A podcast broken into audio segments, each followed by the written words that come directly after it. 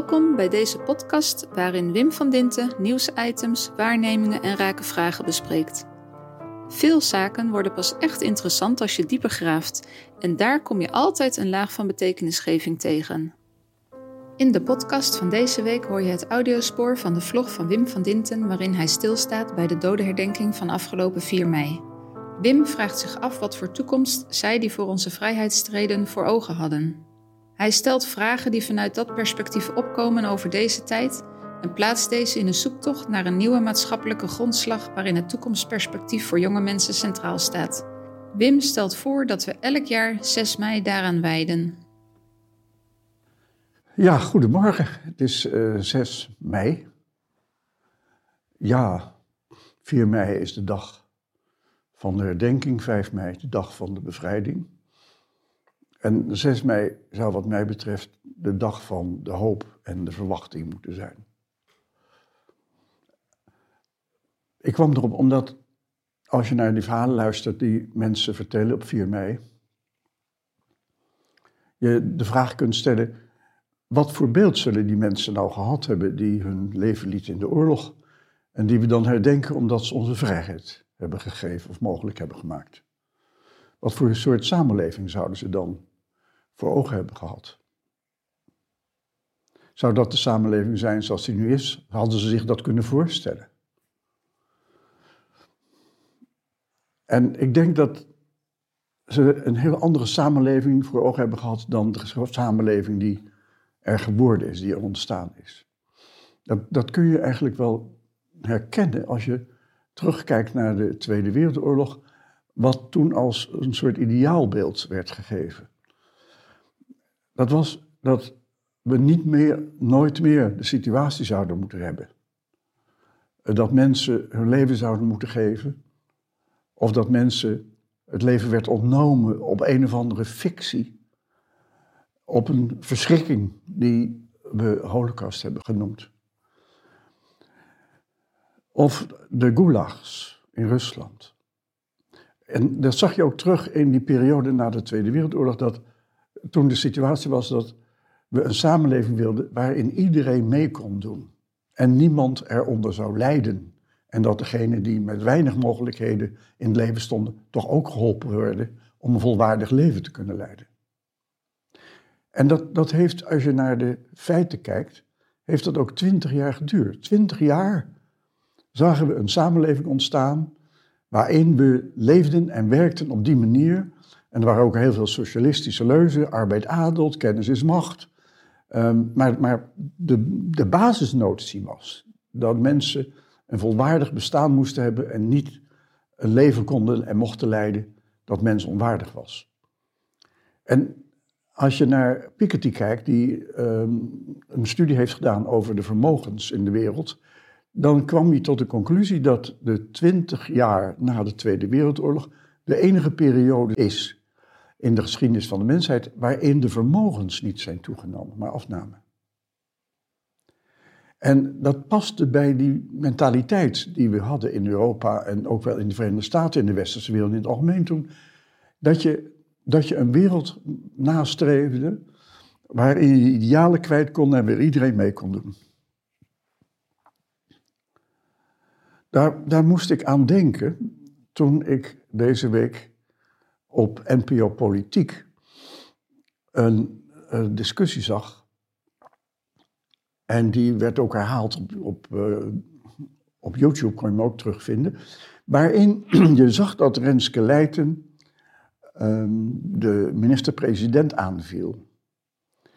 Waarbij zij de minister aansprak op zijn verantwoordelijkheid dat zoveel mensen in de toeslagenaffaire um, mensonwaardig werden behandeld, werden mishandeld. En dat degenen die daarvoor verantwoordelijk zijn niet vrij uit mogen gaan. En de minister-president kwam onmiddellijk in geweer, want hij vond dat ze niet mocht spreken over de ambtenaren, want die konden zich niet verdedigen. Waarbij hij erkende dat wat die mensen is aangedaan vele malen erger is dan wat die mensen wordt aangedaan als je het erover zou hebben. En Renske Leijten bleef eigenlijk hangen op het fenomeen dat zij vond dat je moet kunnen zeggen dat ambtenaren of mensen aan de top van een organisatie hebben gefaald als de uitkomst van die organisatie is dat mensen een mensonwaardige behandeling krijgen, worden mishandeld. En opnieuw zag je de minister-president dat dat niet mocht en niet kon, want die mensen deden allemaal hun werk en hun best. En, en je zag het grote verschil. Renske Leijten die uitging van de samenleving en wat mensen daarin ervaarden. En de minister-president die uitging van een bestuurlijk apparaat. En de mensen die in dat apparaat hun werk deden, beschermden. Waarbij die zei dat het leed wat je die mensen aandoet als je het over hen hebt, niet in vergelijking staat, verhouding staat met wat is aangedaan. Maar dat mocht je niet doen. En, en dat herhaalde zich drie, vier keer. Is het denkbaar dat je een minister-president zou hebben toen je de jaren na de oorlog keek, die niet zag dat mensen in een overheidsapparaat zouden moeten worden beoordeeld op wat ze in de maatschappij doen en aanrichten. Maar die het feit dat ze in die top zitten en daarin moeten worden gerespecteerd belangrijker achten dan wat ze in hun daden en manier van organiseren maatschappelijk aanrichten. Kun je van zo'n premier verwachten dat die gaat naar een open vorm van bestuur, waarin je dat dus wel kunt zeggen. Waarin je kunt aanspreken de top van een organisatie, niet alleen van de Belastingdienst, maar ook van besturen van scholen, besturen van zorgorganisaties, leiders van organisaties en afdelingen. Of je die mag aanspreken op wat ze uiteindelijk aanrichten in de samenleving. En naar mijn oordeel was een van de belangrijke elementen als je zou vragen van hoe zouden mensen die hun leven hebben gegeven uh, voor onze vrijheid en voor onze samenleving, hoe zouden die dan hebben gedacht over die ideale samenleving? Zouden ze zich hebben kunnen voorstellen dat dan een regering en politieke leiders het apparaat van de regering en de staat belangrijker achten dan een menswaardig bestaan? Is niet de essentie van het oorlogsleed dat een menswaardig bestaan met voeten werd getreden om een of andere fictie of een criminele idee. Is, is, is de essentie ook niet van de neergang van het communisme met het vallen van de muur in 1989, dat een staat met zijn modelmatige behandeling niet in staat is een volwaardig menselijk bestaan in te richten in de samenleving? En is de dag van 6 mei van hoop en verwachting, zou die dan niet moeten zijn dat je een politieke klas hebt, een staat hebt, die uitgaat van de mensen aan de voet van de samenleving en die herkent wat het leven er voor mensen toe doet. Zou, dat niet dichter zitten bij het ideaalbeeld van de mensen die hun leven hebben gegeven? In plaats van dat je kunt roepen, ik mag zijn wie ik ben en ik mag dat ook zijn in Nederland. Dat is allemaal niet onwaar en mooi. Maar de essentie is dat er ook waar is dat heel veel mensen down the drain zijn gegaan. En ook waar is dat we niet langer de aarde kunnen exploiteren. En ook belangrijk is dat wij nou juist ons zouden moeten kunnen hervinden in een, in een staat, in een regering die uitgaat van wat er voor het leven en voor mensen te doet, in plaats van een bestuurlijk fenomeen.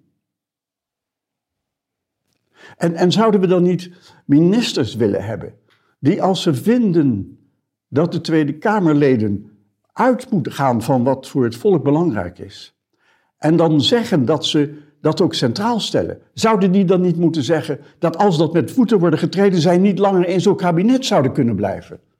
Of is het voldoende te zeggen, ik vind dat dat moet kunnen? Gaat het, gaat het om woorden of gaat het om daden?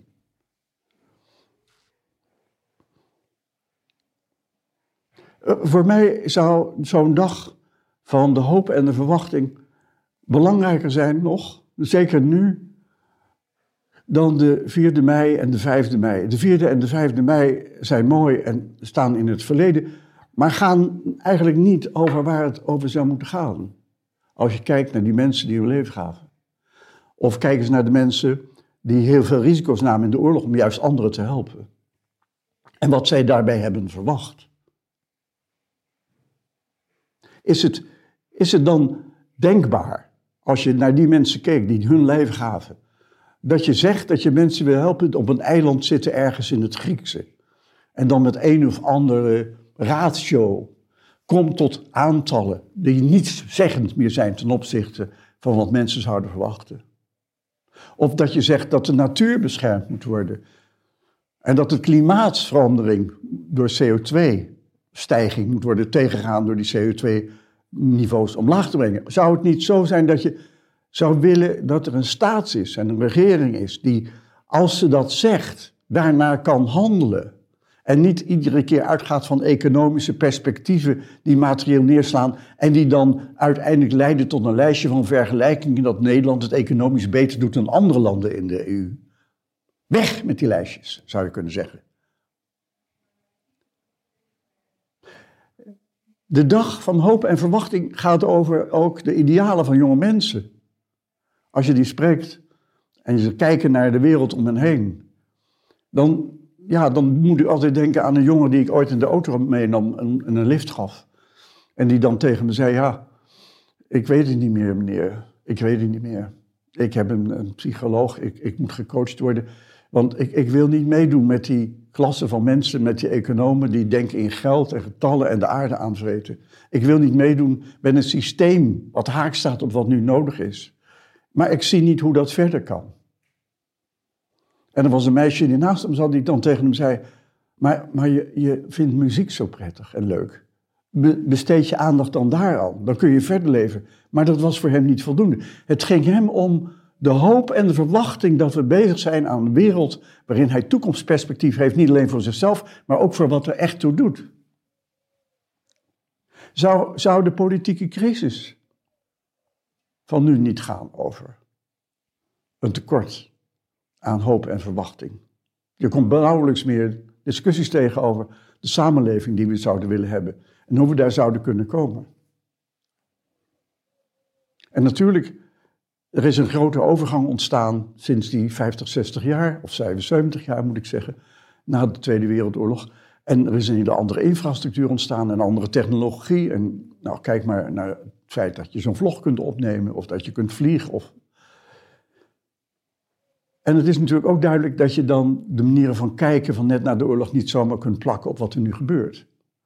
Maar bij hoop en verwachting gaat het daar niet over. Daar gaat het over hoe kwaliteit van leven eruit ziet en kwaliteit van omgaan met elkaar eruit ziet. En wat je dan van mag verwachten en of je erop mag hopen. En ja, dan kun je zeggen dat de manier waarop we nu in de wereld staan vraagt om een hele nieuwe manier van kijken die heel fundamenteel is en waarde geeft en inzicht geeft, inzicht laat zien over hoe we wat er echt toe doet tot leven kunnen wekken.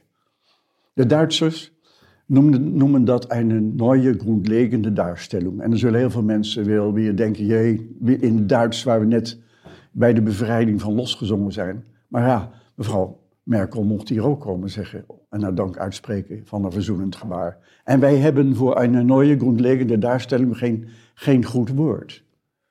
Ook in het Engels bestaat dat niet. Maar daar gaat het over. Het feit dat we vaak geen woorden kunnen geven aan die hoop en toekomst waar we naar op zoek zijn. Het zou mooi zijn als we de 6e mei zouden kunnen vieren als de dag van de hoop en de verwachting. Fijne dag nog.